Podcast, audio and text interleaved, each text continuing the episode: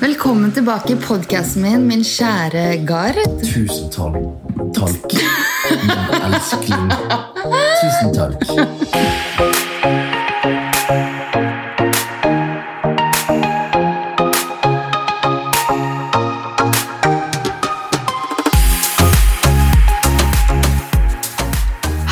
Som hører på. Siden sist så har jeg født og er nå ute i mammapermisjon med nummer to. Planen videre er å fortsette med podkasten i perm og spille inn sesong fem i studio veldig veldig snart. Noe jeg gleder meg skikkelig til, for da kan jeg endelig møte gjestene i studio, og lyden på episodene blir bra. Så fokuset mitt for sesong fem skal være at det skal være høy kvalitet på episodene, fremfor å bare skynde meg å sette i gang. Det er snart to år siden jeg fikk samarbeid med moderne media. Eh, Og siden da så håper jeg at jeg har utviklet meg i riktig retning. Fordi husk dere, det er en første gang for alt. I denne episoden så har jeg med meg Gard, som er kjæresten min og pappaen til barna, hvor vi svarer på lytterspørsmål om foreldrerollen og gir en update om livet. Hensikten med å dele om foreldrerollen er egentlig å bryte tabuer, og at vi alle bare skal innse at vi er i samme båt og stå mer sammen. For foreldreskapet er krevende, vakkert, fint og alt på en gang, og dette kan alle kjenne seg igjen i. Så jeg håper enten du venter barn, har barn, eller ikke har barn, at du nyter episoden. Og så kan du gjerne legge igjen en kommentar eller rate episoden i iTunes. Nå skal Gard og jeg prøve oss på en episode mens eh, Birk ligger og sover. Nå har jo du mast mye om å få være med på en episode nummer tre. Nei da, det er jeg som spør Gard kan du gjeste en episode. Men det er for jeg ser at uh, disse episodene blir veldig mye lytta til. Er ikke det litt uh, positivt? Jo da, det er jo veldig hyggelig det. At uh, du har lyttere som ønsker å høre min stemme også oppi dette her. Selv om jeg er litt småforkjølet i dag. Tydeligvis så liker folk å høre på det som er litt personlig, da.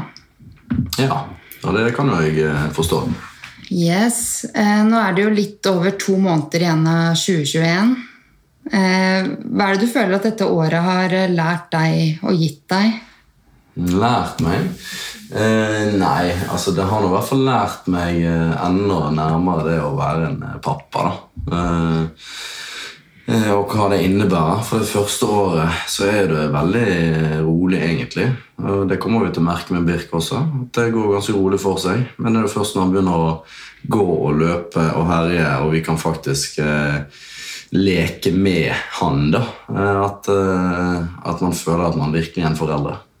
Altså, det har jo gitt meg glede gjennom det å eh, være en eh, figur i, i Storm sitt liv som, eh, som er viktig da, og blir satt pris på. Så det er veldig gøy for meg også å føle at, at han faktisk eh, elsker pappaen sin. Og jeg syns det er kult at pappa kommer hjem fra jobb og løper mot meg og alle de tingene der. Eh, og det har vi kanskje snakket litt om før også, men men eh, det er vel kanskje noe som ikke bare har blitt en vane, men samtidig eh, Ja, det har blitt en vane, men det har også samtidig blitt en, en ting som er setter veldig høyt i livet.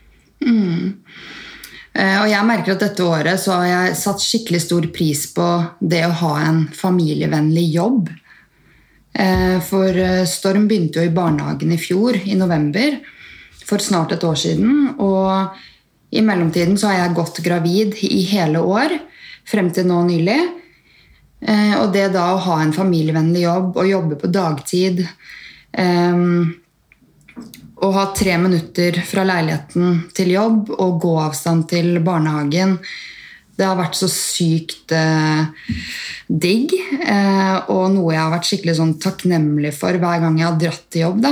Eh, så merker jeg at jeg har satt den derre gründerdrømmen litt sånn Det skjer når det skjer, eh, og det trenger ikke å skje nå. Jeg har falt litt til ro med at eh, nå så har jeg lyst til å ha en familievennlig jobb. da.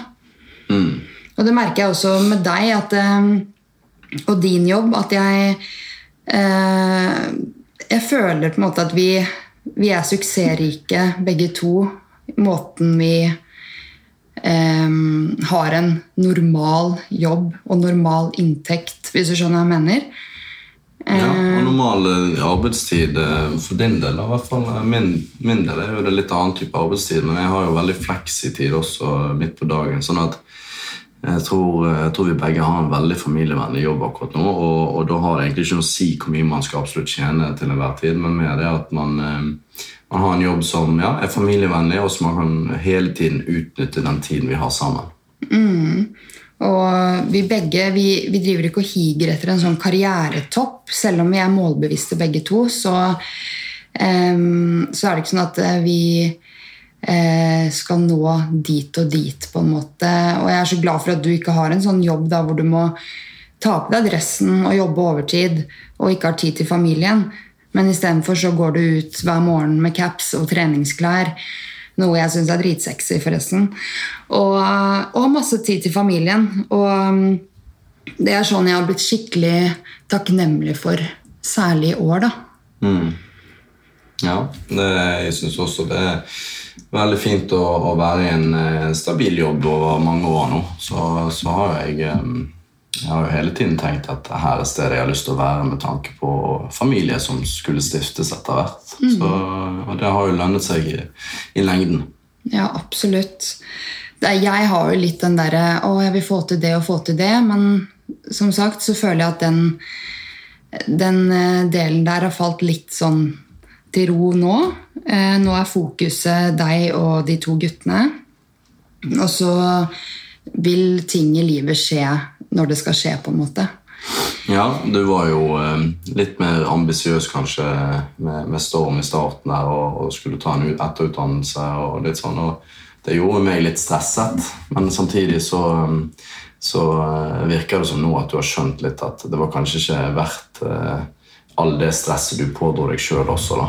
Eh, men faktisk nå som vi har to, så, så må du ta hensyn til det. Men eh, hva tenker du er viktig for at par skal Altså ikke par, egentlig, men foreldrepar da, skal holde sammen? Og hva tror du eh, er grunnen til at så mange ryker? Nei, jeg tror jo folk holder i forhold eh, som foreldre fordi at de faktisk skjønner hva det innebærer, og alle de ulike eh, forutsetningene. Og jeg tror også i tillegg så er det, det er ganske mange utfordringer underveis der. Og hvis du ikke er villig til å faktisk jobbe for det, så, så ryker det jo, selvfølgelig. Altså, Du må jobbe for det, og du må tørre å stå i det. og jeg har i hvert fall lært det at um, det, det gjelder ikke Det handler ikke om å ha rett uh, eller galt egentlig i et forhold. Det handler egentlig bare om å prøve å forstå hverandre så godt som mulig, og så eh, gå videre derfra. Da. At man eh, har ulike synspunkter på en del ting, men samtidig så um, prøver å enes om en del ting så, eh, som gjør at forholdet faktisk blir en, en enhet, og ikke eh, to ulike sider av en sak. Men hva er det som gjør at eh, folk ryker, da, tenker du? Nei, det er vel det motsatte. da. At man eh, skal absolutt stå på sitt i enhver eneste diskusjon. Eh, Og sånn har vi hatt det til tider, vi også.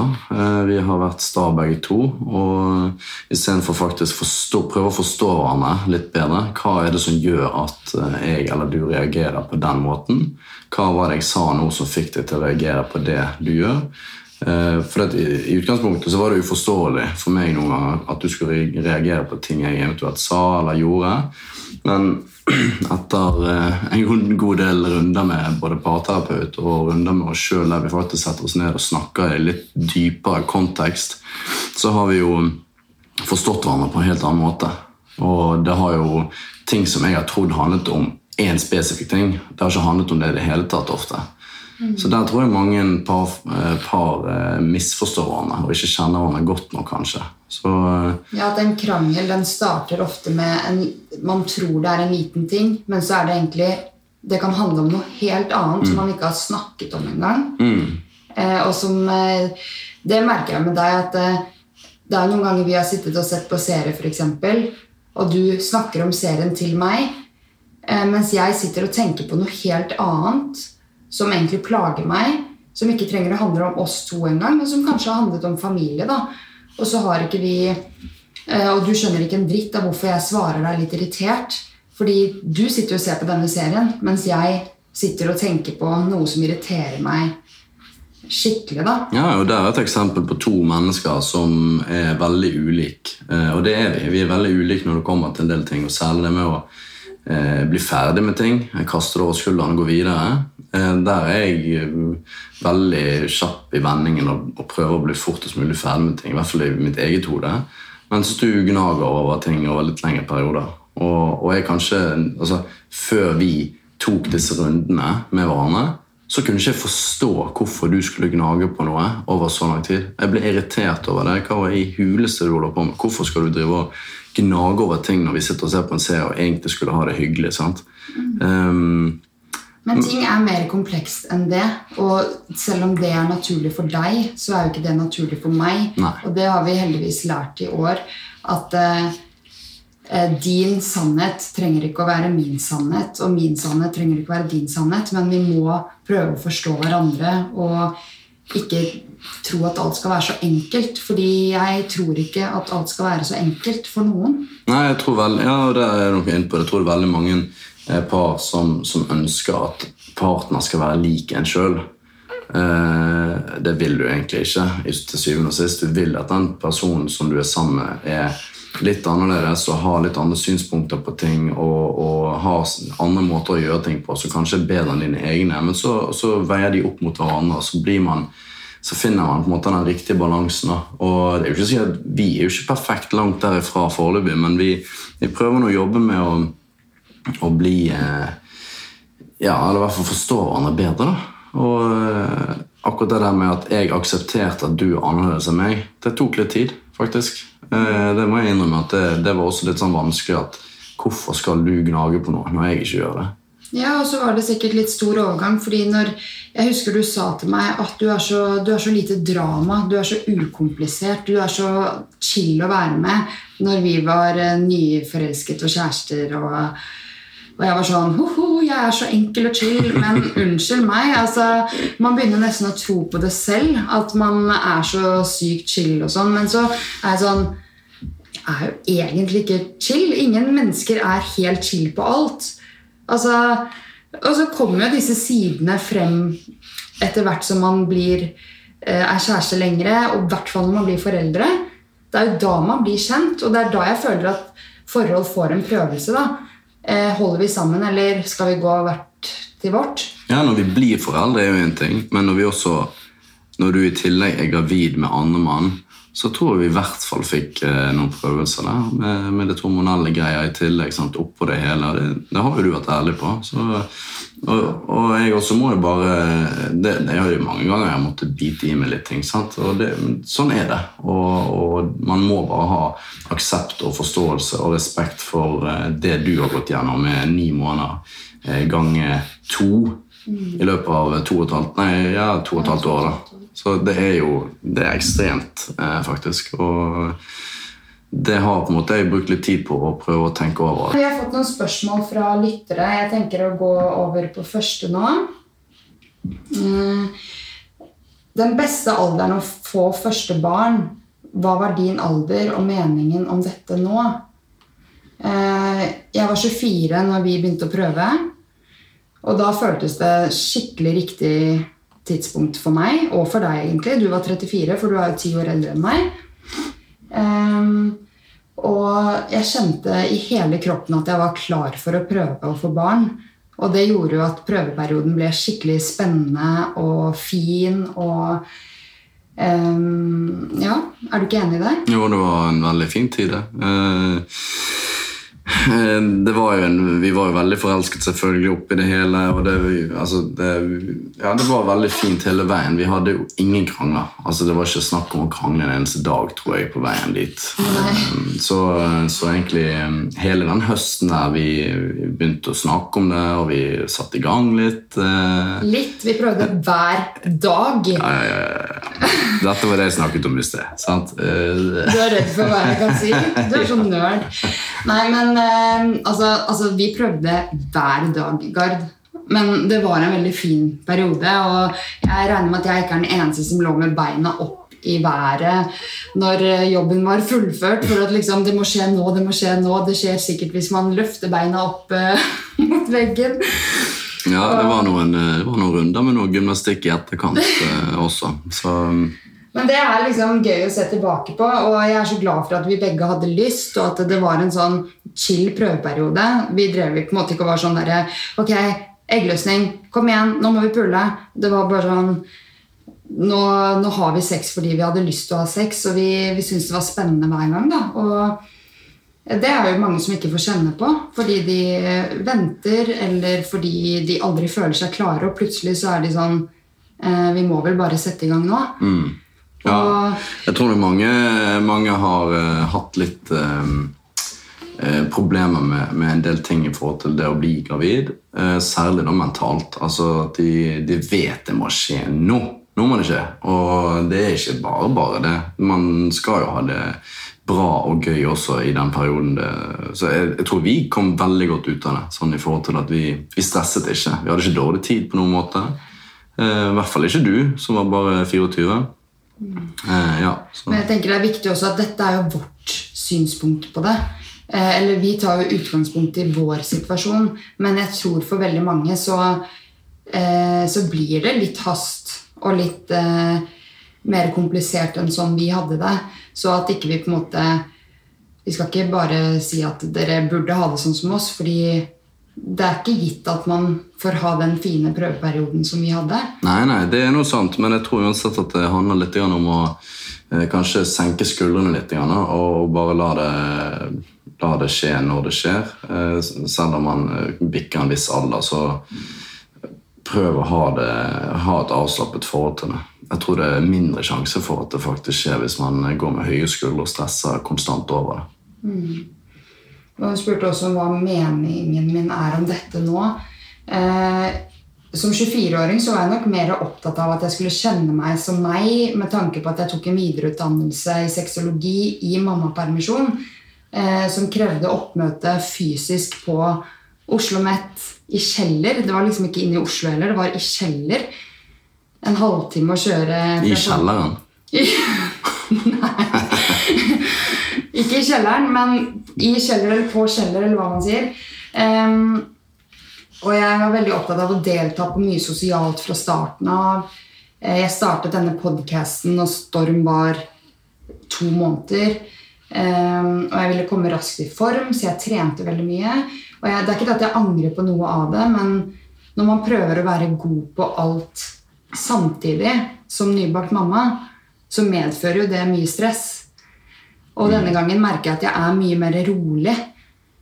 Det merker jeg også. Ja. Ja, og det er veldig behagelig. Eh, Så eh, Nei, jeg tror det var bra vi satte i gang. Vi fikk nummer to nå. Det virker i hvert fall veldig riktig for oss per nå.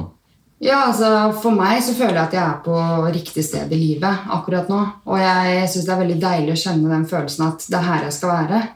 Jeg vil ikke være noen år tilbake, jeg vil ikke noen år frem i tid. Jeg vil være her og nå. Jeg syns det å ha to sønner i en alder av 27, være sammen med deg Det er liksom det, Jeg trives så godt med det nå. Men det har jo vært eh, altså Det høres veldig rosenrødt ut nå, at alt er perfekt. Men det har jo vært tøft. Det har vært beintøft dette året her. Det, vi har gått gjennom eh, masse utfordringer. Så det er sikkert ting du har tenkt å gå tilbake på, men eh, Jeg tror faktisk det er neste spørsmål. Ja. Ehm, tips til hvordan å forberede seg på å få barn som partnere.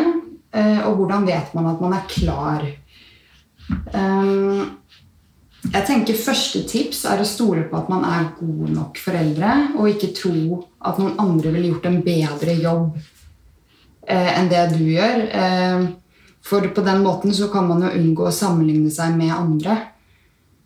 mm, Og da eksempel Vi ga jo mye glassmat til Storm eh, i starten fremfor å lage fra bunnen, som mange er dritgode på.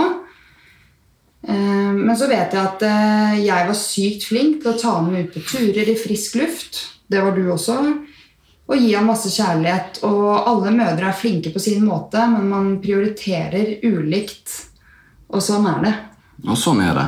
Og, og det, det er umulig å være perfekt på alle områder. Eh, Det går ikke an. Og da må man jo prioritere. Er det verdt å stå og lage mat nå en time eh, fordi at alt skal være lagd fra bunnen av?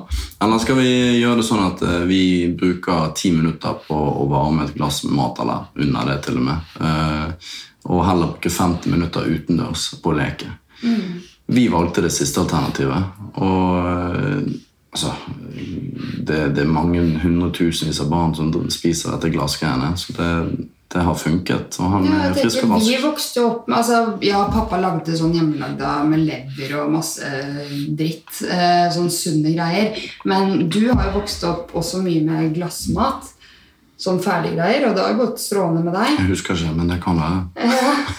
Nei, så liksom Jeg kunne ønske Jeg har fått en sånn ny respekt for alle mødre der ute etter at jeg ble mamma selv. At jeg kunne ønske at vi fikk Hadde litt mer sånn creds, ga mer creds til hverandre. Eh, ja, vi vet jo egentlig hva det innebærer å være mor. Vi vet hva det innebærer å gå gjennom en fødsel eller et keisersnitt. på en måte. Tiden etterpå, eh, det å sove lite Alle disse faktorene som er med på å prege livet ditt på godt og vondt. Vi vet, vi står egentlig sammen om dette. Og så tok vi en del prater i forkant for å forberede oss. Og særlig med barn nummer to. Vi gjorde det med barn nummer én også. At vi snakket litt om forventninger og hvordan vi hadde lyst til å ha det som par når vi ble foreldre og sånn. Men det var veldig nødvendig å ta disse pratene før Birk kom, fordi da visste jeg hva jeg ikke var så godt forberedt på med nummer én. Og det er jo viktig å få frem at det, den mentale helsen til mor endrer seg helt sinnssykt når man blir mamma. Eh, Og mye av det kan man ikke være forberedt på. Nei. Det, og det var jo litt sånn eh, Ja, vi tok noen runder før Storm kom også, førstemann. Og da Men- visste vi ikke hva vi gikk til. Nei, det hjelper egentlig ikke så mye med de pratene. For at, eh, jo da, noen ting er nå greit nok, men eh, eh, i det store og hele så, så aner vi ikke hva utfordringer vi får underveis. Vi vet ikke dette med søvn. Vi vet ikke hva lite søvn faktisk kan gjøre med oss. da. Nei. Vi har ikke opplevd det på kroppen. Nå har vi opplevd det en gang før og føler oss mye bedre forberedt på nummer to. Og så føler jeg at du også har virkelig forstått og prøvd å sette deg inn i at det faktisk endrer seg veldig mye i, hos meg, da, eller hos mor, eller hva jeg skal si, eh, når man går gravid, og eh, hvor, hvor stor omveltning det er for særlig mor sin mentale helse. Du har satt deg mer inn i det denne gangen. Og så er det jo viktig å huske på at ingenting er konstant. Så hvis man er i en slitsom periode med barnet, så vil det gå over selv om det ikke føles sånn der og da. For jeg husker jo på det verste på en måte at jeg tenkte Er dette livet vårt? Er det sånn livet skal være? At det nesten kunne være sånn Og dette er selvfølgelig på de verste dagene når man hadde sovet null omtrent i flere dager. Ehm, da kan man få veldig kjipe tanker og tenke sånn er, hvorfor, skulle jeg, hvorfor skulle jeg på død og liv ha barn? Men det er ikke konstant, og det er så sykt verdt det når man er over de periodene der.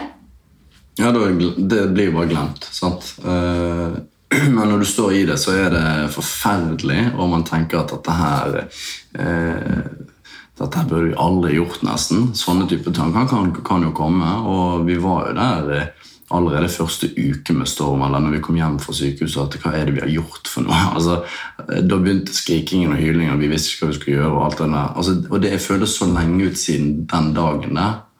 Eh, når vi sto her nede og vi begynte å krangle, og vi var helt fra oss begge to. Og han skreik, og han var lei seg eller hadde vondt i magen eller hva enn det var for noe. Sant? Han var fem dager gammel. Men Ja, det var forferdelig. Jeg husker barnegråt. Det var faktisk, det gikk så inn på meg å høre babygråt når jeg var nybakt førstegangsmamma, at eh, jeg bare gråt selv når han gråt. Og det var helt, sånn, det var helt forferdelig. Og jeg vet ikke om det var samme opplevelse for deg, men det er sånn Jeg tror flere mødre kan kjenne seg igjen i at eh, når du kjenner det på kroppen for første gang, at babyen din gråter, og du har ikke vært borti det før, så er det en veldig overveldende vond følelse.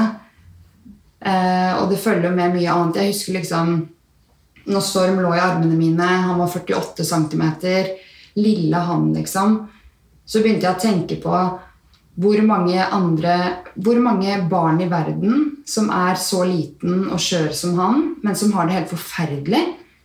Og det gikk så inn på meg å tenke at det fins millionervis av Storm, på en måte, som har den verste oppveksten eller de verste omsorgspersonene rundt seg, eller som opplever sult. Og sånne ting var bare sånn Altså, jeg følte at jeg gikk inn i en sånn depresjon. Selv om jeg hadde all grunn til å være lykkelig. Det er veldig vanskelig å forklare, men det var så mye følelser. Og jeg var ikke klar heller for egentlig så mye besøk vi tok imot. Og det syns jeg også at man skal være litt klar på. at det, Selv om det virker som at det, å, jeg gleder meg til å vise frem barnet til familie og venner, og sånn, så kan det hende at når du først er født, at det er egentlig det siste du vil. Og det kunne jeg ønske at vi tok mer hensyn til med Storm, men som vi har tatt hensyn til med Birk. Fordi eh, det var mye forventninger fra familie. Og det er lett å si fra til sin egen mor. Litt vanskeligere å si fra til sin egen svigermor. Og dette har vi også fått kjenne på kroppen. At eh, ingenting har vært ment frekt begge veier. Men man må faktisk tørre å være ærlig om ting og tang uten at det skal være ment frekt. Men det har jo vært sårende for ulike parter at ting har blitt tatt opp her og der. Um, og så kjennes det sikkert ekstra sårt når det på en måte er din mamma, f.eks. Og så er det egentlig Jeg har tatt opp ting med min egen mor også, men hun kjenner jeg mye bedre, ikke sant? Mm. Ja da, og det var jo litt av grunnen til at vi denne gangen eh, tok kontroll over situasjonen før Birk kom til verden. Vi, vi, tok de pratene om forventninger eh, med begge sider av familien. Og bare, vet du hva, vi er nødt til å eh, gjøre det på, på, vår måte, og vi er nødt til å ha, ta, ha, besøkstid eller komme på besøk gjerne når vi føler det passer. Eh, og ikke la det være opp til noen andre når vi skal ha besøk. Mm. Så eh, det var jo helt annerledes denne gangen her enn, enn, med Storm. Sånn at Med Storm så ble det jo på en måte bare sånn Her har vi et trofé. La alle sammen komme og se. Ja. Vi er så stolte. Alle ja. sammen er stolte. Alle har lyst til å holde han, alle har lyst til å kysse på han. Og det er jo helt forståelig. Det er naturlig, det også. Eh, men denne gangen så har vi lært at vi er nødt til å være litt mer kyniske. Vi er nødt til å faktisk, Hvis det sårer noen, ok, det, det viktigste er at vi føler at det er riktig. fordi at eh, det handler jo om ja, særlig din mentale helse. Du ble veldig skjør sist. Du ble litt skjørt av alt det besøksgreiene. Du ble sliten av det. sant? Og dårlig humør. Og dårlig humør, og, og bare det at du hadde mindre søvn også. sant? I utgangspunktet skal du i tillegg da være eh, ta imot folk på besøk og stå og lage middag eller diske opp med den ene retten etter den andre. Det, altså, det funker ikke. Det går bare ikke. da. Nei. Og det er sånn du har forstått nå i ettertid. Og helt seriøst, mor har rett til å være litt boss i tiden etter å ha født. Og det, du lar ja. meg være sjef. Ja, det gjør jeg eh, Men det syns jeg faktisk skal være helt greit eh, hos alle. At eh, mor bestemmer litt hvordan vil jeg ha det nå. Og uten at ting skal bli tatt frekt. Eksempel, en ting som jeg føler er litt sånn tabu å snakke om, det er at herregud, for meg var det helt naturlig å søke hjelp hos min egen mor først. Uten at det skal bli tatt frekt eller eh, såre noen. Så tror jeg veldig mange jenter føler på at eh, den trygge personen å gå til, det er partner og sin egen mamma. Og på andre rekke så kommer det andre. Men for andre er det kanskje helt motsatt. Men dette her er så viktig å snakke høyt om fordi det er så vanlig. Jeg tror de fleste kvinner som har født, forstår veldig godt akkurat den tankegangen om at uh, man går til sin egen mor uh, når det kommer til f.eks. Uh, pass i starten og uh, ja, småting som, som man gjerne trenger hjelp til, eller føler man trenger litt avlastning til. Um, og, og jeg tror det er mer oss mannfolk som ikke forstår helt hvorfor er det sånn. Hvorfor kan ikke min mor også være like involvert som din mor? Eh, det tror Jeg faktisk. Jeg tror det er mannfolk som ikke skjønner den greiene. Og det tok jo litt tid for meg også å forstå.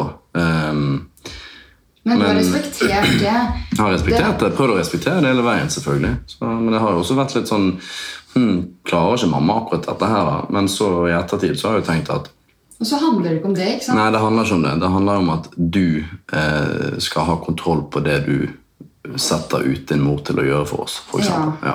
Og det er lettere Altså, du har et Altså, man har et så dypt bånd med sin egen mor, og man er så sinnssykt overvelda når man har fått barn, at eh, For meg så var det i hvert fall 100% naturlig å gå til min egen mor først. Men selvfølgelig involvere din mor, og hun er jo masse involvert i dag. Ja, ja, hun har vært involvert hele veien. Det er jo ikke noe sånn at uh... Har ikke satt hun på sidelinja, det er jo ikke det, men um, at man på en måte ser hvor vanlig det er å søke sin egen mor etter man blir mor selv, uten at det skal være ment sårende, fordi det, det, handler, det handler faktisk om um, den derre det morsinstinktet som kommer etter man blir mamma. At eh, du må føle deg trygg. Og jeg følte meg ikke alltid trygg engang når mamma hadde storm. skjønner du? Nei, sant. Og det det egentlig bunn og grunn handler om her, er jo at um, for deg som stilte spørsmålet, dette med å bli førstegangsmamma og sånn, det er, handler om å sette grenser. Faktisk være ganske kynisk med ditt første barn også. Uh, Sett grenser, sånn at du ikke sliter deg ut. På samme måte som, som vi gjorde litt, da. Og så tenker jeg det er viktig å være forberedt på at det vil komme krevende perioder, men at man da husker på at eh, man er i samme båt, men med ulike opplevelser. Er du ikke enig i det?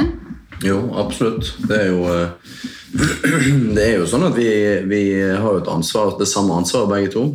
Eh, Men det der med opplevelsen ja, den, den vil jo være forskjellig. Og ikke bare fordi vi er ulike kjønn, men også fordi det er du som er født. Og jeg, jeg står liksom litt sånn passivt bare på siden og, og prøver å hjelpe. Prøv å være et team eh, gjennom de krevende dagene og snakk sammen. Ta de eh, kjipe pratene eller de dype pratene eller de nødvendige pratene.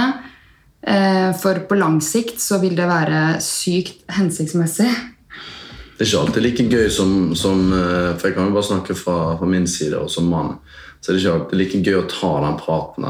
Ehm, og jeg tror ikke nødvendig at den skal tas hele tiden hver uke, en ny prat, men kanskje at man tar seg faktisk tid når vi først trenger det, da, til, å, til å gjøre det ordentlig. Og det vil nok være veldig eh, til hjelp da, for begge deler, eller for begge parter.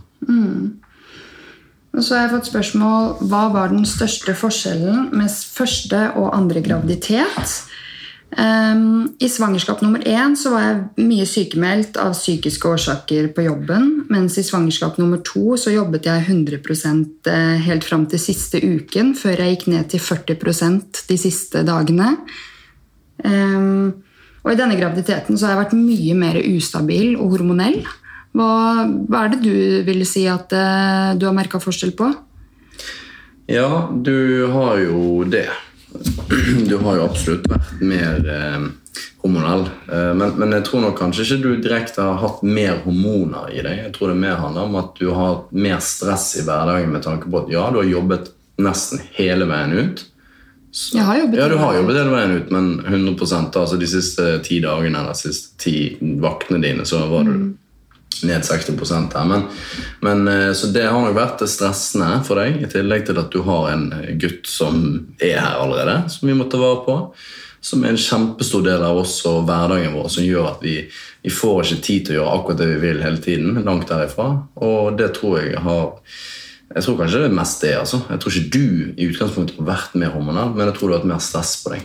Ja, og så har vi vært flinkere til å forberede, som vi var inne på i stad, ehm, den permisjonstiden som kommer, ved å sette tydelige grenser og ta litt sånn alvorsprater med familien. Fordi for alle, sånn som for alle andre så er man gjennom ulike ting i livet. Og det er ikke sånn at det, et parforhold og familieforhold og alt sammen er en smooth dans på roser hele tiden. Så det å normalisere at eh, noen ganger så må man faktisk ta oppgjør med sin egen familie eller svigerfamilien eller whatever, det, det har vi måttet gjøre.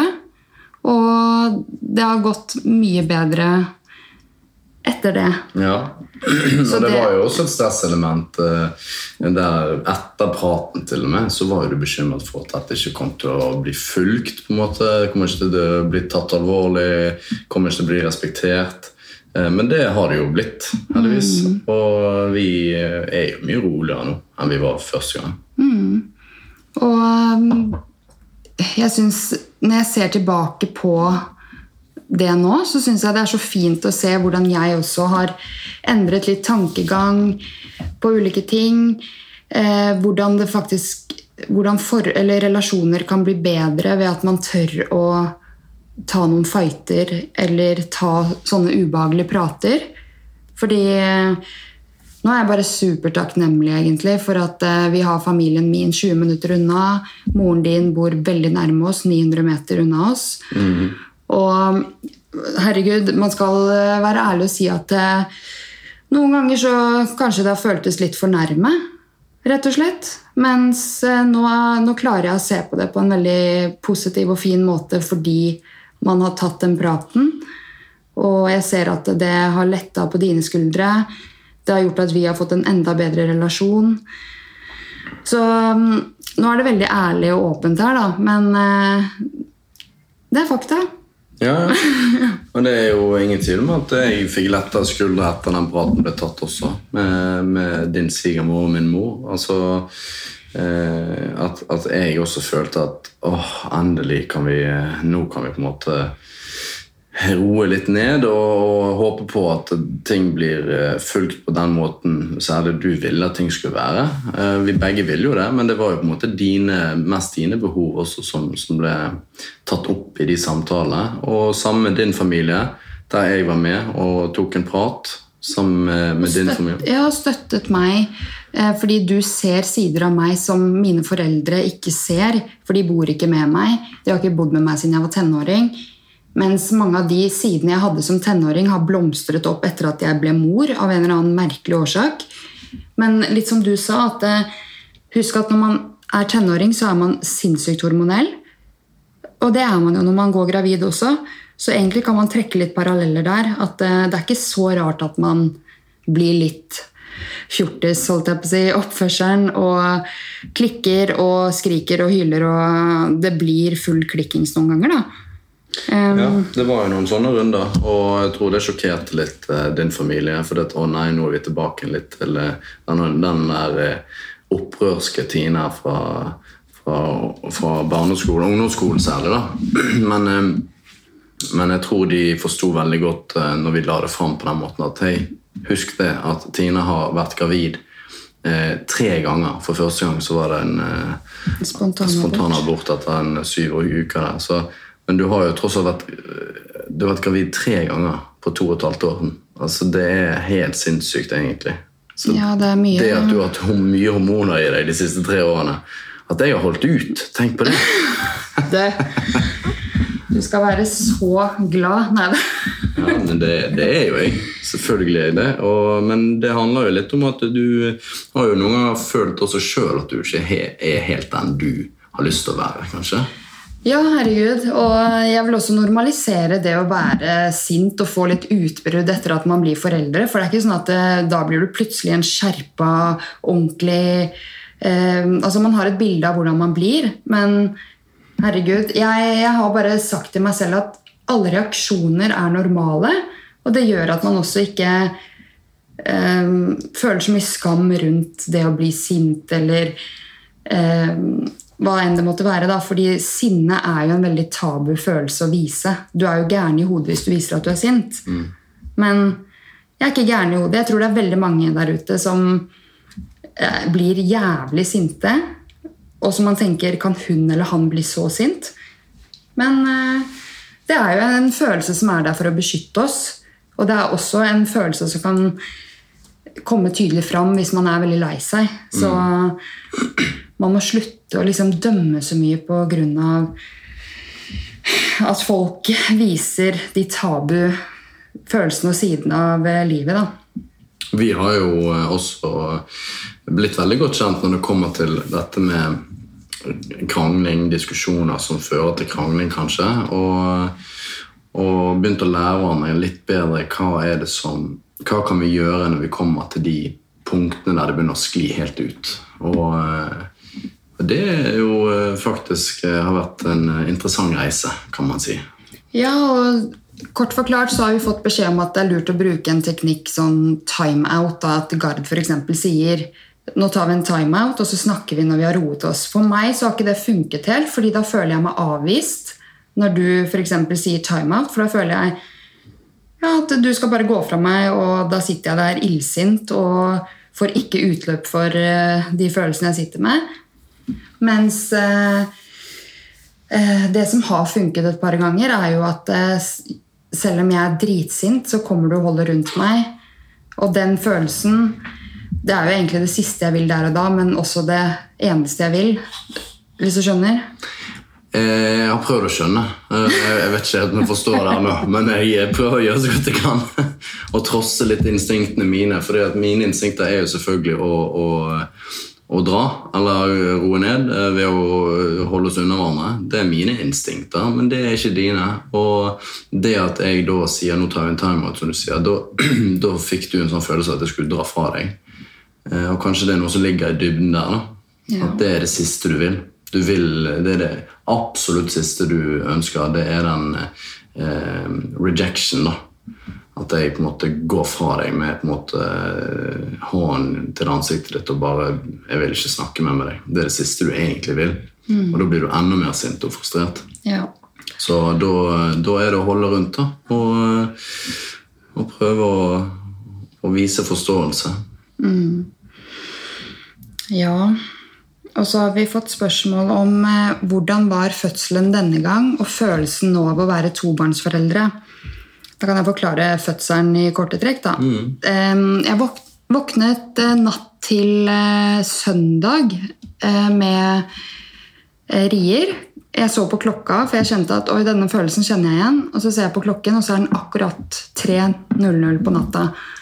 Um, og så begynner jeg å telle hvor mange minutter på stoppeklokka på mobilen eh, før jeg vekker deg. Eh, og så ser jeg at det går akkurat fem minutter før det bygger seg opp. Eh, de første fire-fem riene. Og så vekker jeg deg og sier jeg tror jeg rier, og du bare Da går jeg opp og lager kaffe, da! Jeg bare Ja, men vent litt. Grann. Eh, Jeg er ikke sikker på om det er rier, men jeg tror det er rier. Jeg, jeg kjente at jeg ble litt usikker, selv om jeg egentlig visste at det var rier. Men de er jo ganske svake i starten. Det er jo ikke sånn at det starter med de vondeste riene. Um, Men så sa du til meg da hadde du tatt tiden på dem, og da var jeg sånn Men da er det jo det. ja, Og så tok vi riekalkulator, er det ikke det det heter? Eh, og da kom det egentlig ganske fort på tide å kontakte sykehuset.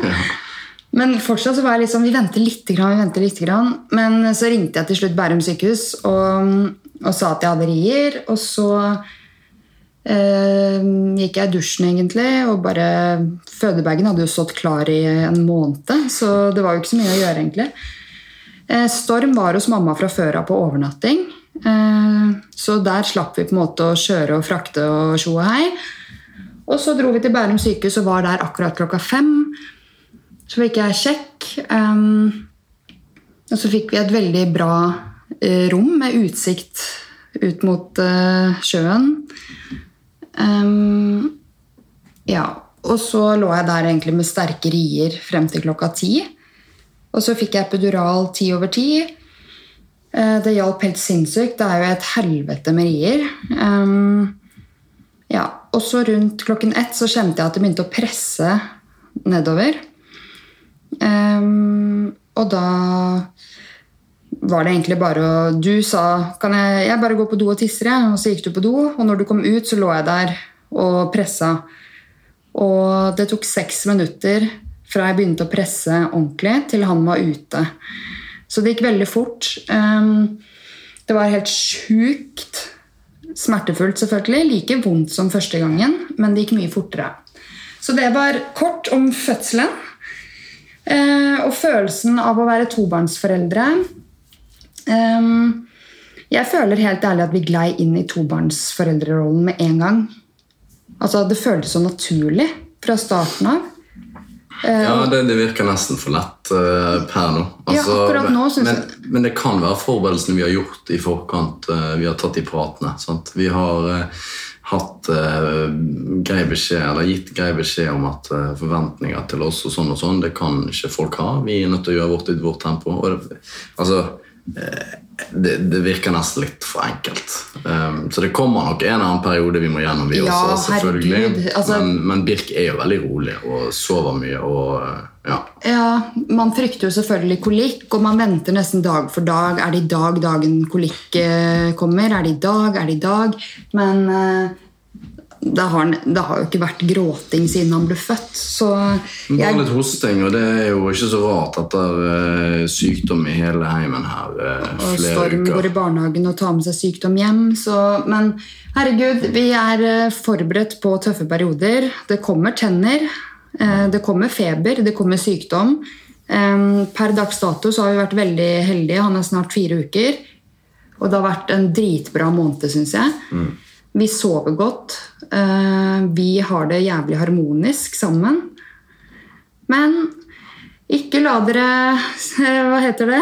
Lure? Lure, ja. Det, vi er forberedt på tøffe perioder også, men det må være lov å ha det bra. Eh, og så har vi fått spørsmål hvordan holder dere gnisten i forholdet, og hvordan stole mest på partner. Ja. Skal jeg starte? Ja, det må du gjerne gjøre. Ja, jeg ser i hvert fall gleden i de små tingene. Bare sånn, sånn som i dag, da det er fredag. Det er fredag formiddag. Eh, du har kommet tidlig hjem etter jobb. For Gard starter halv seks to ganger i uka. Gjør du ikke det? Og det, når du kommer tidlig hjem fra jobb, så blir jeg som en sånn derre happy valp som står og hopper ved døra. Altså sånn Yes! Det er lenge siden du har gjort, men uh, kanskje inni hodet ditt. Inni hodet mitt så hopper jeg ved døra. um, jeg digger at du kommer tidlig hjem, og at vi har dagen sammen. Noen ganger så har vi planer, andre dager har vi ingen planer. Men jeg bare elsker den derre Yes, i dag kommer Gard tidlig hjem, og vi skal være sammen. Og så er det det å legge seg tidlig om kvelden og se serie. Eh, selv om vi sovner før ni. Ehm, og så syns jeg du er veldig flink på å gi komplimenter. Senest i natt så reiste du deg opp mens jeg satt og amma Birk, og kom bort til meg og begynte å susse på meg i halsen. Og bare 'Å, du lukter så godt. Jeg har så sykt lyst på deg.' Jeg vet ikke hvor fresh jeg følte meg da, men eh, det er sånn du kan finne på å si og gjøre veldig ofte. At du kommer liksom bort til meg og skryter eller flørter eller Jeg gikk i søvn, da. ja, Så det var ikke deg. Det var bare mm, Du trodde det var noen andre, du. Fy faen! Hvem er, det, hvem er det du drømte om? Nei, men eh, det er jo veldig koselig å høre når man sitter der som en svett apekatt, og du liksom er sånn 'Å, du lukter så godt, og du har lyst på meg', og sånn, og så føler man seg som den mest ufreshe pandaen i verden. Så um, ja, Det sier seg selv at ikke det ble noe ligg på deg i natt, men eh, det å flørte og være nær hverandre er så sinnssykt viktig for å bevare gnisten, syns jeg. da. Ja. Eh, du er veldig flink med komplimenter til meg, syns jeg. Det er jo hele tiden at eh, du syns det ser bra ut. Bare, bare det at du nevnte i sted at eh, du ville ikke at jeg skulle gå i dress, men du ønsket at jeg går i joggebukse og caps og sånn. Det er det fineste du vet. Så eh, det er jo kjempebra, for det er jo det jeg går i hver dag. Så ja. Ja, og det mener jeg oppriktig. Det er sikkert mange som er sånn her, å, menn i dress, eller å, advokat, eller megler, eller et eller annet. Men jeg er bare sånn der, fy faen, det at du jobber som trener på NTG, jeg syns det er grisesexy. Og at du går i treningstøy og er litt sånn sporty og Nei, det er i hvert fall min smak. Så får andre ha andre smaker. ja. Alle har jo hver sin smak. Ja, ja, bra er det. Eh, har dere overskudd til å være gode med hverandre? nå som dere... Å å oh, ja, herregud. Jo. Du hopper bare over meg. Ja, unnskyld. Ja. Nei, altså hva- Det var spørsmålet over hva jeg setter pris på med deg. Ja, Hvordan vi bevarer gnisten i forholdet. Hvordan st jo, Stole mest på partner, det må vi innom. fordi dette er sånn hjertesak for meg. At man skal kunne stole på hverandre. Tilliten skal være på plass. No cheating, bla, bla, bla. Men Mhm. bare snakk, du. Nei, altså um, For meg er det veldig enkelt å stole på deg. Du er jo uh, Du er jo veldig uh, opptatt av de tingene sjøl, og da sier det seg sjøl at du også er veldig opptatt av å være flink pike. På mange måter. På den måten der i forhold til sånn snakker om cheating og sånn. Det har aldri uroet meg i det hele tatt. Og det er vel også grunnen til at jeg ikke er noe sjalu på deg heller. Så um, Nei, jeg, jeg, har på en måte ikke så mye å si om den saken. Jeg vet bare at sånn her er det jeg vil ha det. Mm. Og ja, jeg har funnet riktig person å med. Det er det ingen tvil om. Åh, det var koselig. Sånn som dette er jo litt sånn flørting når vi sitter og ser på hverandre og sier sånne her ting. ja. Folk skulle hatt et kamera nå du, sett på oss. Ja, nei, men jeg er helt enig i det med å stole på Altså, jeg vi har jo vår historie begge to, på en måte. Man har jo ikke alltid rent mel i posen, men vi to mot hverandre eh, Nå snakker jeg ikke bare om oss to, men jeg snakker om folk generelt. Man, man har ikke vært flink pike eller flink eh, guttebass hele livet sitt. Men med deg så har jeg aldri hatt noe sånn trust issues.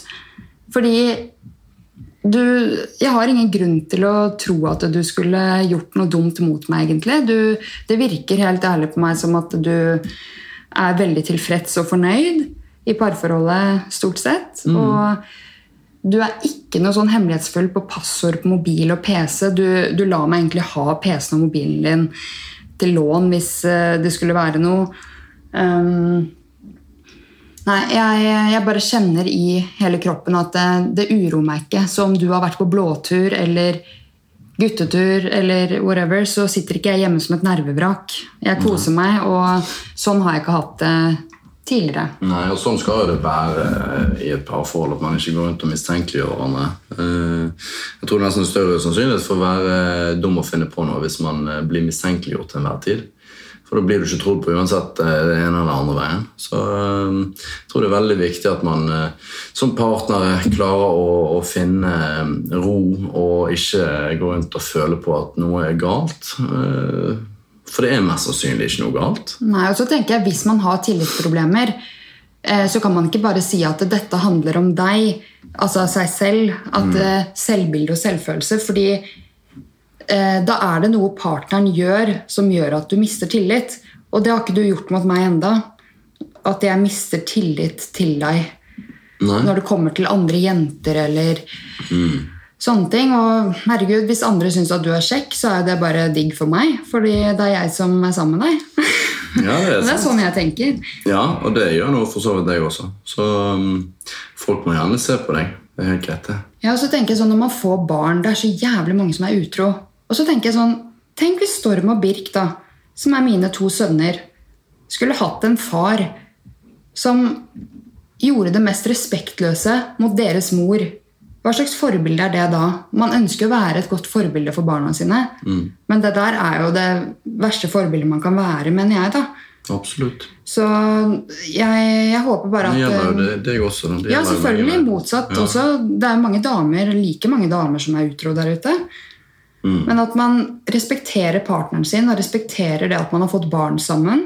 Og så kan man heller bare Har man så sykt lyst på andre, så har man jo ikke følelser for partneren lenger. Mener jeg, da. Da er det noe kanskje eh, dødt løp uansett, da, på mange ja. måter. Så, men eh, jeg tror eh, vi, vi, var jo inne på litt i sted, dette med hva som gjør at folk holder sammen og ikke. Sant? At dette er jo kanskje det aller største. da. At man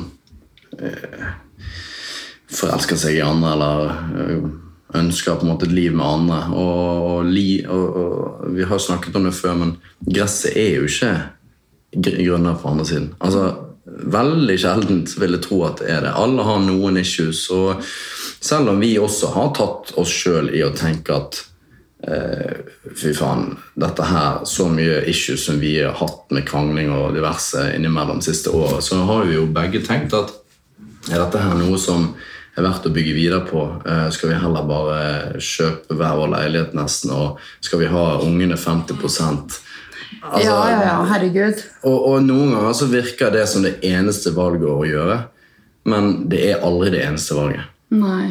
Og jeg tenker sånn Å se guttene mine 50% det er det siste jeg vil. Altså, Tanken på liksom, skulle hatt annenhver uke, eller noe sånt, det skjærer i hjertet mitt. Så da syns jeg man skal jobbe videre hvis man egentlig i bunn og grunn har det bra. Men det er ikke noe hemmelighet nei, at vi to har sittet uh, og sett på hva er det vi har råd til utenfor Fornebu hvis vi skal flytte hver for oss og bla, bla, bla. Ja, Det var nok ikke en sånn helt reell greie, men det var på en måte noe som vi eh, gjorde litt hver for oss og bare satt og Er det mulig? Altså, Går det an å kjøpe noe på egen hånd her ute? altså, det går jo ikke uansett, men, det, men det, jeg tror i hvert fall det handler veldig mye om at vi, vi må klare å stå i det. Når vi først har valgt å få ett eller to eller flere barn sammen, så må du faen meg klare å stå i det. Eh, og, og komme deg gjennom det og komme sterkere ut av det. Det føler vi har gjort. i hvert fall. Eh, men så, ok, la oss si at vi ikke hadde gjort det, da. Så er det kanskje ikke verdt å kjempe en evighet for det. Nei, Da må det- man jo på en måte gå, til, eh, gå inn i seg sjøl og si vet du hva, dette funker bare ikke for meg eller for oss. Og, og jeg har jo venner som klarer seg fint på egen hånd med 50% sant? Altså, Men det er ikke en ønsket situasjon. det er ikke en ønskelig situasjon for oss i det hele tatt. Ikke for de heller. Tro meg, de har ikke lyst til å se sønnen eller dattera si 50% Nei, selvfølgelig ikke. Det, det er det ingen som vil. Um, men hvis det er eneste løsningen, så, så er det eneste løsningen. Og da er det, må man jo bare respektere det også. Ja, altså, og jeg tror at man kjenner inni seg er dette riktig eller er dette feil. Man trenger egentlig ikke å søke svar så mye. Du, du har svaret inni deg. Og sånn som med deg, Jeg hadde jo følelser for deg hele veien, selv om jeg en dag kunne sitte og se på Finn. Hva er det jeg har råd til utenfor Fornebu? Så hadde jeg følelser for deg. Jeg hadde jo fortsatt lyst på deg. Og når de tingene er på plass, så er det verdt å kjempe for, mener jeg. da.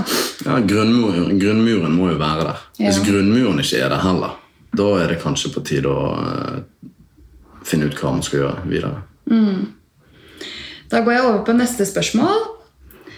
Um, har dere overskudd til å være gode med hverandre nå som dere har to barn? Ehm, ja, det har vi.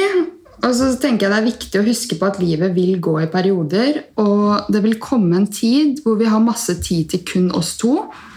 Men som jeg har sagt til deg før, så hvis vi skal drive og glede oss til guttene er åtte og ti år, så betyr det jo at vi også har blitt ti år eldre. Og jeg har ikke lyst til å være ti år eldre, jeg har lyst til å være 27 år. Og nyte de 20-årene her en stund til. Og du regner med har lyst til å nyte at du er i 30-årene litt til. Og at man nyter hver periode, da, ikke higer etter å være et annet sted i livet enn der man er. Der, der er du veldig godt inne på det, og du sa jo det bare her for noen dager siden til meg. akkurat det der. Og det er noe som jeg fikk perspektiv på når du sa det på den måten at eh, du har lyst til å være her nå. sant? Eh, du har lyst til å være 27 litt til. Og det er helt greit, det. Og da må vi også akseptere at guttene våre bare er to og fire uker. To år og fire uker. Eh, fordi at eh, det er tøft å ha en toåring som kommer i trassalderen eh, og løper rundt og i tillegg er syk fire-fem uker i strekk. Det er ikke bare bare. Og når i tillegg du har gått gravid og er født i samme perioden, så er det sånn jeg har tatt meg sjøl i å tenke ah, det, blir så digg når begge to er seks og åtte år, eller fire og seks år gamle, og vi kan faktisk snakke med dem og prate med dem. Forstår meg jo det at Han kan ikke kommunisere på samme måte som oss ennå. Og det er jo noe som vi har begge vært sånn Å, jeg gleder oss til han kan snakke. Men når du sa det her om dagen, akkurat det der, med at vi må være her og nå Helt enig.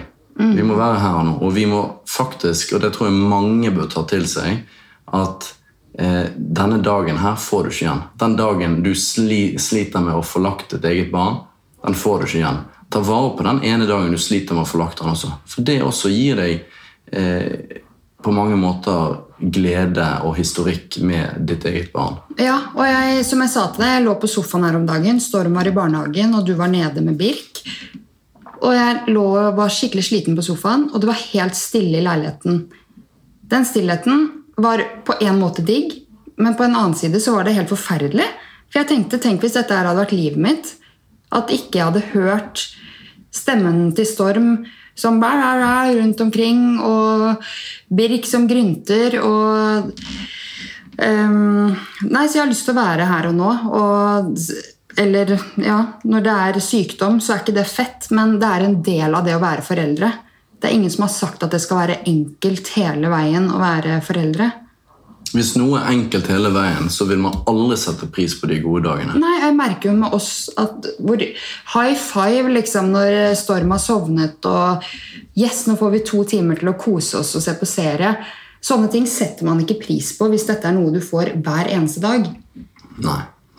Så um, Nei, jeg har fått mye tanker og refleksjoner etter at jeg ble tobarnsmamma, og jeg syns vi også har blitt flinkere på å på måte snakke høyt om disse tingene. Fordi hva faen har vi egentlig å klage på? Det snakket vi om her om dagen. Vi har ingenting å være egentlig sytete for. Nei. Vi har familie i nærheten, vi har en leilighet, vi har barn. Hva er det man egentlig klager for? Jeg tror helt ærlig at man trenger en reality-sjekk og komme seg ut i verden igjen og se hvordan folk lever der ute. For nå, nå har ikke jeg sett egentlig hvordan det virkelige liv er siden 2017, når jeg var i Zambia. Og fikk se hvor store kontraster det er fra Norge, f.eks. Altså, bare sånne ting kan få deg til å bare Shit, jeg er takknemlig for det jeg har. Ja, nei, det er eh, Og det, det er veldig lett å si til andre rundt seg at du får litt perspektiv på livet. da. Du vet at de i Afrika har det mye verre enn deg. Eller de sånn og sånn. Det er sånn typisk ordtak man bruker. sant? Og som trener så er jeg også en av de som, som forteller utøverne mine at hei, du er egentlig dritheldig. Du har muligheten til å trene hver dag med den idretten du har lyst til. Og du kan, du kan gå på butikken og kjøpe akkurat det du vil av mat når du vil. Eh, du har skole, og du lærer ting. Mens andre barn der ute de har ikke muligheten til noen av disse tingene. her. Og de strever med å få tak i et glass vann om dagen. liksom.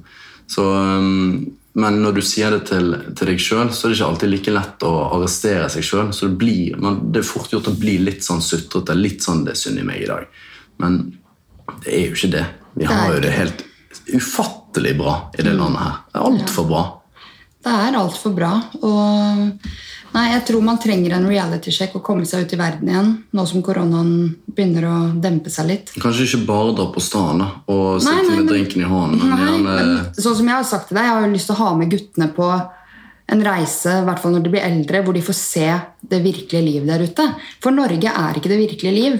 Verden der ute er det virkelige liv. Best av alt, jeg tror faktisk neste generasjon og den generasjonen som vokser opp nå, er mye mer bevisst på akkurat de tingene her enn kanskje vi var sjøl. For nå er det så åpent, eh, alt med nyheter og landegrenser, at eh, selv om koronaen har vært, så er det utrolig mange barn og ungdom som engasjerer seg i politikken og miljøet. Så, så jeg, jeg har faktisk veldig god tro på neste generasjon. Jeg. Ja, det er sant. Um, men i hvert fall over til det spørsmålet om vi har overskudd til å være gode med hverandre. Um, ja, men så stresser jeg heller ikke med hvis det Det er viktig å være gode med hverandre hver dag.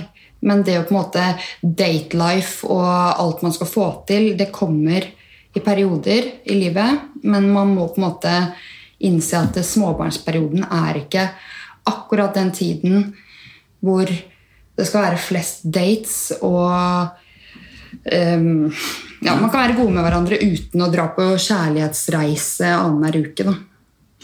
Ja, og det har jo med å gjøre at vi eh, har barn å gjøre, selvfølgelig. Så sitter vi oppe på date var jo dagen før du fødte. Ja, Da var vi på Kverneriet på Solli plass og tok oss en rolig burger. Og så dro vi hjem igjen. det var en veldig kort date, da. Men uh, hyggelig, det. Hvordan går det med Storm nå som dere har fått en ny baby i huset som tar mye oppmerksomhet? Ehm, jeg merker at jeg starter å svare på alt som blir spurt, men du kan bare fylle på. Eh, Storm virker å synes det er superkoselig, syns jeg. Jeg har ikke merka noe særlig til den sjalusien som alle har nevnt til oss. Han går og susser på Birk hele tiden. Og det at han på en måte har lyst til å ta ham på foten eller ta ham inn i øyet, og sånn, det er jo ikke for å skade han. Det er fordi han, han syns det er interessant og spennende og skjønner ikke helt at han må være kanskje forsiktig. Men han er veldig kjærlig med Birk. og Eh, Men det jeg føler på, er at jeg ikke er så nær Storm sånn som jeg ønsker. Det er jo du som har hatt mest med han å gjøre, sånn bading og legging og sånn, de siste fire ukene. Ja, og det er jo ikke så rart. Altså, det, det, det må jo bare bli sånn. Altså, Birk skal jo ammes eh, i tide og utide, så det er umulig å vite når han eh, trenger eh, å være på brystet ditt. liksom. Så mm, det har vi, Der tror jeg også vi var veldig flinke og, og smarte med å ta et ganske konkret og tydelig valg med at ok, nå er det to uker til du skal føde. Da trenger du ekstra hvile, du trenger å sove godt, du trenger eh, rolige dager nå. Spare krefter til den fødselen der, som vi kunne aldri visst hvor lett det skulle gå. Eh, eller hvor tungt det kunne bli. Og, og da tok, begynte jeg å ta med oss Storm. Og så var han begynt å bli syk i den perioden. Så det var jo ekstra gøy, selvfølgelig. Men, eh, men etter eh, Birka kom til verden, så har jo også jeg bare måttet fortsette med det. Og det var jo vi klar over. Så Å legge an og ta alt av det ansvaret rundt stormen Men du bidrar jo masse, du også. Du lager jo mat og du styrer jo på. Du føler kanskje ikke at du er like mye oppi den som du vanligvis ville vært. og det jeg kan jo forstå hva du mener, men du er fortsatt mye oppi den. og Du koser jo masse med den, og du er jo på den. Så det virker jo Helt ærlig så tror jeg det er litt av grunnen til at Storm ikke viser noe tegn til sjalusi. Det er at du og jeg eh, er veldig mye med han fortsatt. Ja, men eh, herregud, jeg skal ikke legge skjul på at eh, ja, at det er tøft. Og det neste spørsmålet er hvordan vi organiserer dagene med en nyfødt storm. Og som nevnt så starter du halv seks på jobb to ganger i uken. Og de dagene må jeg levere Storm i barnehagen mens jeg har Birk. Um, Birk ligger ikke i vogna ennå, så jeg har han alltid i bærecelle på brystet. Um, og når jeg da skal følge Storm til barnehagen og noen dager så går det fint, mens uh, her om dagen så ble jeg så stressa. Jeg var så stressa at uh, jeg ringte mamma etter eh, jeg hadde levert Storm, og bare bare langa ut med liksom eh, det her er så jævlig stress, og Gard må endre treningstider, og jeg kan ikke fortsette sånn her. og Jeg, jeg hadde vært liksom litt sånn sur på Storm den morgenen, og det føltes så jævlig etterpå når jeg hadde levert han. Fordi bare, han kom så blid inn på rommet, og det var koselig. og Jeg satt og holdt rundt han og sånn, men så kommer vi Han blir så fort utålmodig. Og så skal jeg kle på begge, jeg skal skifte bleier på begge, jeg skal amme Birk. Jeg skal gjøre klar barnehagesekken. Å, gud. Altså, jeg, var, jeg, jeg, tok meg en dusj fordi jeg føler jeg lukter dritt eh, i den renselsesprosessen her. og Eh, med ammesvette og helvete. Så jeg måtte ta meg en dusj. Det er egentlig sånn jeg liker å gjøre hver morgen og hver kveld.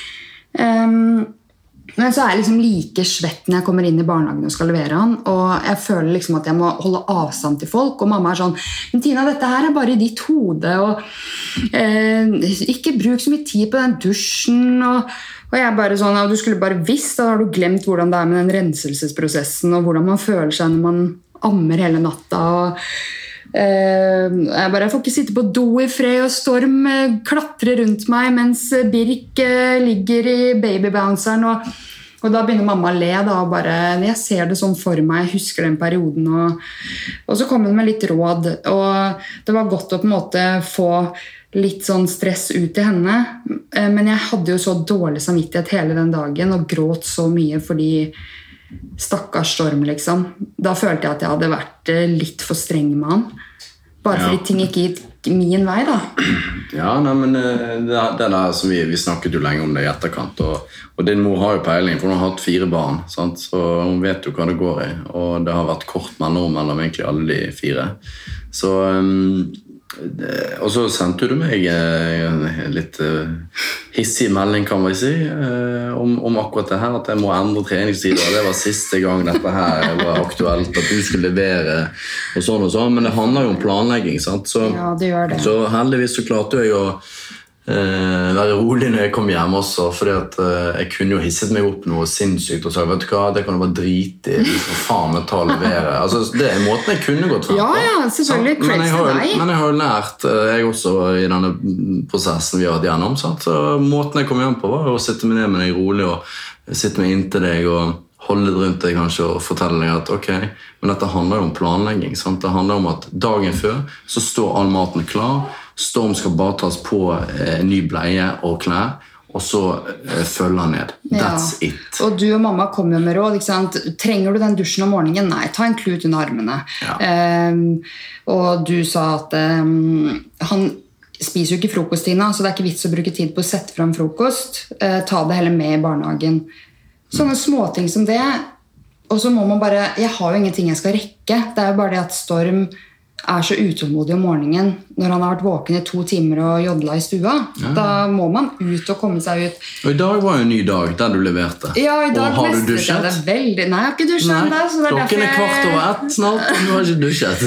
Nei, jeg skal gå i dusjen snart. Slapp av. Men eh, nei, jeg har lært av den dagen der, og jeg kjente bare med meg selv at ok, det handler om planlegging. Storm skal ikke få kjeft fordi at jeg er stressa. Mm. Han er under to år. Den dårlige samvittigheten jeg kjente på den dagen, skal jeg ikke kjenne på igjen. Altså, Ja, den gikk du med i hele går også. ja, det var forferdelig. Altså, så på kvelden den dagen der så måtte jeg legge han og bade han og være med han, kjente jeg. Fordi Nei, det, han skal ikke få kjeft fordi at jeg planlegger morgenene dårlig. Så der har vi lært. Så sånn organiserer vi dagene med nyfødt og Storm. Ja, og Så gikk det én dag imellom der, og så har du taklet denne dagen helt sinnssykt bra. Og I dag leverte du den til tid. Eh, halv åtte. Da var han ferdig påkledd og var levert, og alt var greit. Og du kom deg ut på en tur med Birk. Så Ja. ja. Det er det jeg prøver å kombinere det med. At eh, Birk og jeg kan gå på en morgentur da, direkte fra barnehagen og, og ut, utover mot vannet. Og så er det siste spørsmål. Dine beste tips for et balansert liv.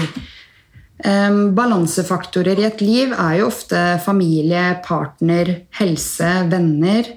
Venner og sosialt. Eh, barn, stress, jobb, stillingsprosent, reise, tidsklemma. Og hvordan man kombinerer alle disse. da. Em, og jeg føler oppriktig at jeg har et balansert liv om dagen. For for meg så har jeg en tydelig prioriteringsliste i hodet på hva som er viktig for meg. Men, men om du som hører på ikke har det i hodet, så anbefaler jeg deg å skrive ned balansefaktorene på et ark i prioritert rekkefølge. Eh, For, f.eks. så er helse og trening viktig for meg, og det kommer høyt opp på min prioriteringsliste. Selv etter at jeg har født. Så, og Gard, du vet jo hvor viktig trening er for meg. Og da hjelper du meg med å legge til rette for at jeg skal få løpt, f.eks. Mm. Så Og dette er noe jeg prioriterer foran det å møte venner og andre folk, egentlig. Altså, trening for meg kommer egentlig først, og så kan jeg heller møte venner etter at jeg har fått gått en lang tur eller vært ute og løpt. Da. Og sånn har det egentlig vært i mange år. Og det endrer seg ikke for min del. Nei? Um, og så har jeg tenkt litt på, siden jeg ikke vet hva jeg skal jobbe med etter denne mammapermisjonen, uh, så har jeg tenkt litt på ok, hvis jeg må ned La oss si um, jeg får en jobb, og så er det en 80% stilling. Så kanskje jeg tar til takke med det fordi det gir meg høyere livskvalitet med tanke på mindre stress i hverdagen. Og det er noe jeg kommer til å ta stilling til når den tid kommer. da.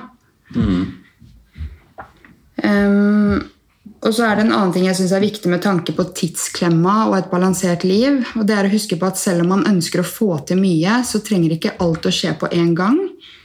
Du kan få til alt du ønsker, men på ulike tidspunkter i livet. Og hvis du klarer å finne roen med det, så tror jeg du vil senke stressnivået og få til alt med kvalitet. Da- Absolutt. og da er jo et eksempel eksempel når jeg fødte Storm, da, at eh, jeg skulle få til podkasten og få den til å vokse fort, samtidig som jeg skulle være student, em, trene hver dag og ha masse tid til Storm. Og på den tiden så var det nok litt ubalanse i livet mitt, fordi jeg hadde så stort ønske om å ja, at podcasten skulle liksom være det shit, men jeg skulle også være, få den beste karakteren på sexologistudiet. Og så skulle jeg se ut som en million ved å trene og føle meg som en million.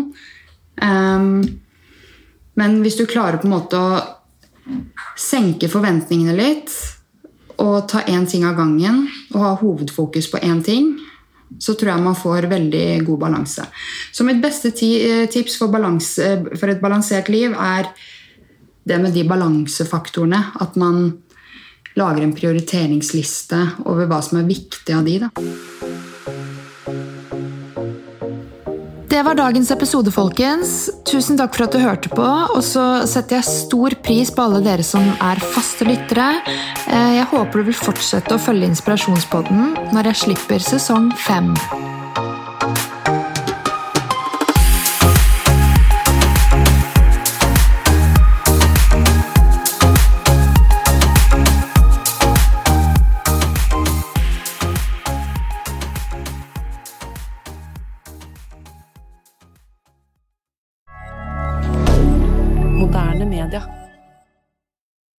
Har du et enkeltpersonforetak eller en liten bedrift? Da er du sikkert lei av å høre meg snakke om hvor enkelt det er med kvitteringer og bilag i fiken, så vi eh, gir oss her, vi. Fordi vi liker enkelt. Fiken superenkelt regnskap.